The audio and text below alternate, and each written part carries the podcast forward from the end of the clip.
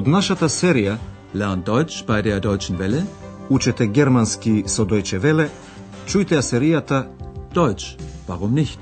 Германски зошто не?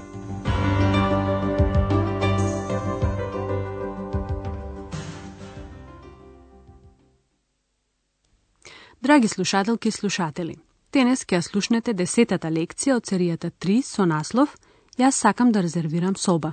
Ich möchte ein Zimmer vorbestellen.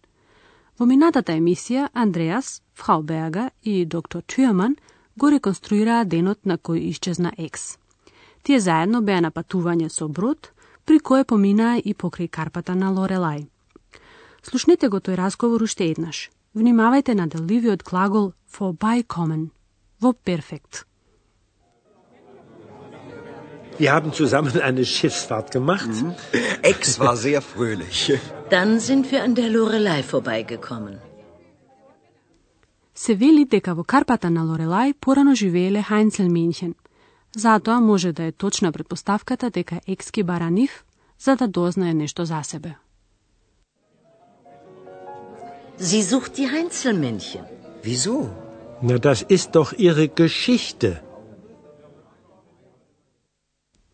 Но сите размислувања за тоа каде би можела да биде екс, сега не помагаат ништо. Андреас мора да работи, значи денеска повторно ќе го слушнете при неговото работно секојдневие во хотелот Европа.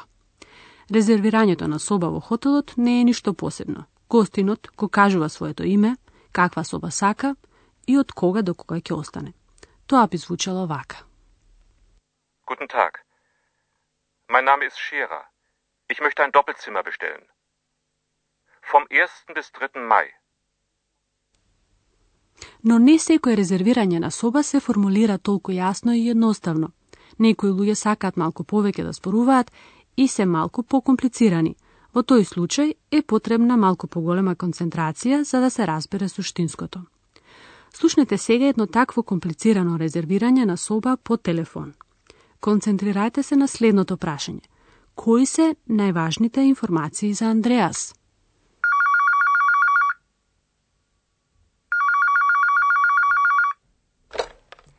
Hotel Europa, guten Tag. Guten Tag, mein Name ist Becker. Ich rufe aus Frankfurt an. Meine Freundin war mal bei Ihnen und sie war sehr zufrieden. Hm, das freut mich. Was kann ich für Sie tun? Also, mein Mann hat gesagt, ich soll Sie anrufen. Wir wollen auch nach Aachen kommen und da möchte ich gern ein Zimmer vorbestellen. Äh, wir kommen mit zwei Kindern. Können die bei uns im Zimmer schlafen? Ja, sicher. Das ist kein Problem. Sei still, Bello. Du kommst natürlich mit. Ja, unser Bello soll auch mitkommen. Bello? Ist das Ihr Hund? Ja, haben Sie ihn nicht gehört? Doch, doch. Aber das ist schwierig. Wissen Sie, normalerweise dürfen Tiere nicht mitkommen. Најважните информации за Андреас се дека жената сака да резервира соба и дека освен незината фамилија, сака да донесе едно куче. Слушнете ја таа сцена уште еднаш внимателно. Фрау Пека се представува на телефон и кажува дека се јавува од Франкфурт. Guten Tag, mein Name ist Becker. Ich rufe aus Frankfurt an. Таа раскажува за една пријателка која била во хотелот Европа и која била многу задоволна. Meine Freundin war mal bei Ihnen und sie war sehr zufrieden. Андреас учтиво се заблагодарува и прашува што може да стори за неа. Das freut mich. Was kann ich für Sie tun? Фрау Бека почнува да зборува за најважното. Таа сака да дојде во Ахен и затоа сака да резервира соба. Wir wollen auch nach Aachen kommen und da möchte ich gern ein Zimmer vorbestellen. Фрау Бека спомнува дека сака да дојде со уште две деца. Wir kommen mit zwei Kindern. Таа сака да знае дали децата може да спијат во истата соба. Können die bei uns im Zimmer schlafen? Тоа не е проблем, но проблемот е Бело, кучето на фамилијата Бекер. Се слуша лајњето додека тече разговорот по телефон. Фрау Бека го смирува и вели. Да, и нашиот Бело мора да дојде со нас. Ja, unser Bello soll auch mitkommen. Андреа си објаснува на фрау Бека дека животните, тире, обично не смеат да влезат во хотелот. Wissen Sie, normalerweise dürfen Tiere nicht mitkommen. Драги слушателки и слушатели, може би ви звучи чудно што едно куче има име и што фамилијата ќе го земе со себе кога ќе оди на пат. Но во Германија е вообичаено. Кучињата се домашни животни и живеат во становите на луѓето. Тие многу добро се грижат за кучињата, понекогаш дури и како да се деца. Слушнете го вториот дел на телефонскиот разговор и концентрирајте се на реакциите на Андреас. Wissen Sie, normalerweise dürfen Tiere nicht mitkommen. Aber unser Bello ist ganz brav. Ja. Hm, wann möchten Sie denn kommen? Im Mai. Anfang Mai. Am Freitag. Mhm. Meinen Sie Freitag, den 1. Mai? Ja, Und wie lange bleiben Sie? bis Sonntag. Mhm. Am Montag müssen wir ja wieder arbeiten. Also ein Zimmer für vier Personen. Und Bello. Für das Wochenende vom 1. Mai. Aber ich muss noch mit meiner Chefin sprechen. Wegen Bello. Geben Sie mir Ihre Telefonnummer. Ich gebe Ihnen dann Bescheid. Ja, also Frankfurt 069, dann 982141. Mhm. Ich danke Ihnen. Auf Wiedersehen. Андреас од први не се обидува да го разјасни проблемот со кучето, туку сака најнапред да го дознае датумот на пристигнување и заминување на фамилијата Бекер. Слушнете го подобро уште еднаш вториот дел. Фрау Бека нагласува дека нивното куче ќе биде многу мирно. Прав. Aber unser Bello ist ganz brav. Андреас ја прашува фрау Бека за кој датум сака да ја резервира собата. Wann möchten Sie denn kommen? Одговорот е многу непрецизен. Во мај, на почетокот на мај, во петок. Im Mai. Anfang Mai. Am Freitag. Андреас ја прашува фрау Бека дали мисли на петок, 1 мај. Meinen Sie Freitag, den 1. Mai? Потоа Андреас ја прашува до кога сака да останат, а таа одговара до недела. Во понеделник сме повторно на работа. Und wie lange bleiben Sie? Bis Sonntag. Am Montag müssen wir ja wieder arbeiten. Андреас накратко повторува.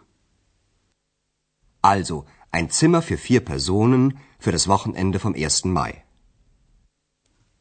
Но тој уште еднаш укажува на тоа дека мора да разговара со управителката заради Бело, веген Бело. Aber ich muss noch mit meiner Chefin sprechen. Wegen Bello. Андреас ја прашува фрау Бека за телефонскиот број за да може да ја извести. Geben Sie mir Ihre Telefonnummer. Ich gebe Ihnen dann Bescheid.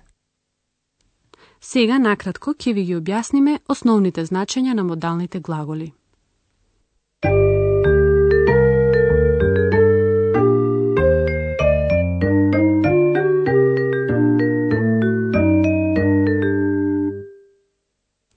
Модалниот глагол волен искажува намера, желба. Wollen. Wir wollen nach Aachen kommen. Модалниот глагол mögen, ich möchte, искажува желба. Mögen. Ich möchte. Ich möchte ein Zimmer vorbestellen. Модалниот глагол dürfen искажува дозвола. При негација на глаголот се искажува забрана. Dürfen. Nicht dürfen. Normalerweise dürfen Tiere nicht mitkommen. Модалниот глагол müssen искажува обврска. Am Montag müssen wir ja wieder arbeiten.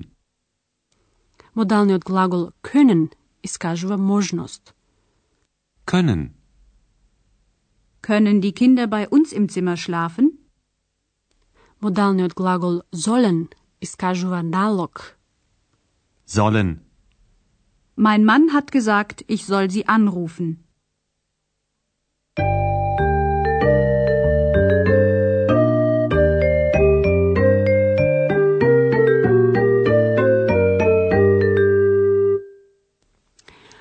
Слушнете ги сега уште еднаш твата разговори. Седнете удобно и слушајте внимателно.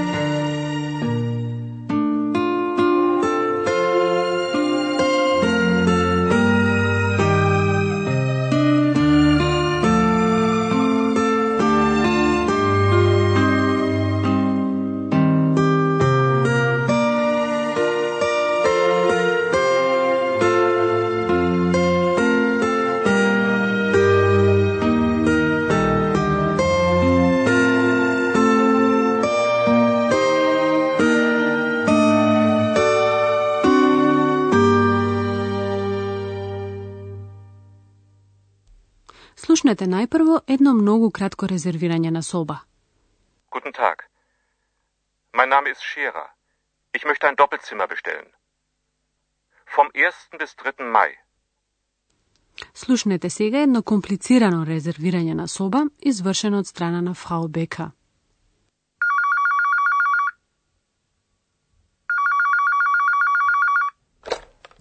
Hotel Europa, guten Tag. Guten Tag, mein Name ist Becker. Ich rufe aus Frankfurt an. Meine Freundin war mal bei Ihnen und sie war sehr zufrieden. Hm, das freut mich. Was kann ich für Sie tun? Also, mein Mann hat gesagt, ich soll Sie anrufen. Wir wollen auch nach Aachen kommen und da möchte ich gern ein Zimmer vorbestellen. Äh, wir kommen mit zwei Kindern. Können die bei uns im Zimmer schlafen? Ja, sicher. Das ist kein Problem. Sei still, Bello. Du kommst natürlich mit. Ja, unser Bello soll auch mitkommen. Bello? Ist das Ihr Hund? Ja, haben Sie ihn nicht gehört? Doch, doch. Aber das ist schwierig. Wissen Sie, normalerweise dürfen Tiere nicht mitkommen. Андреа спрашува кога ќе пристигне и колку долго ќе остане фамилијата Бекер. Wissen Sie, normalerweise dürfen Tiere nicht mitkommen. Aber unser Bello ist ganz brav. Ja. Hm, wann möchten Sie denn kommen? Im Mai. Anfang Mai. Am Freitag. Mhm. Meinen Sie Freitag, den 1. Mai? Ja, Und wie lange bleiben Sie? bis Sonntag. Mhm. Am Montag müssen wir ja wieder arbeiten. Also ein Zimmer für vier Personen. Und Bello. Für das Wochenende vom 1. Mai. Aber ich muss noch mit meiner Chefin sprechen. Wegen Bello. Geben Sie mir Ihre Telefonnummer. Ich gebe Ihnen dann Bescheid. Ja, also Frankfurt 069, dann 982141. Mhm. Ich danke Ihnen. Auf Wiedersehen. Следниот пат ќе ја слушнете екс кај Хајнцелменќен. До тогаш, до слушање. Тоа беше германски Зошто не? Радиоговорен курс на Херат Мезе во продукција на Дојче Веле и на Гетовиот институт од Минхен.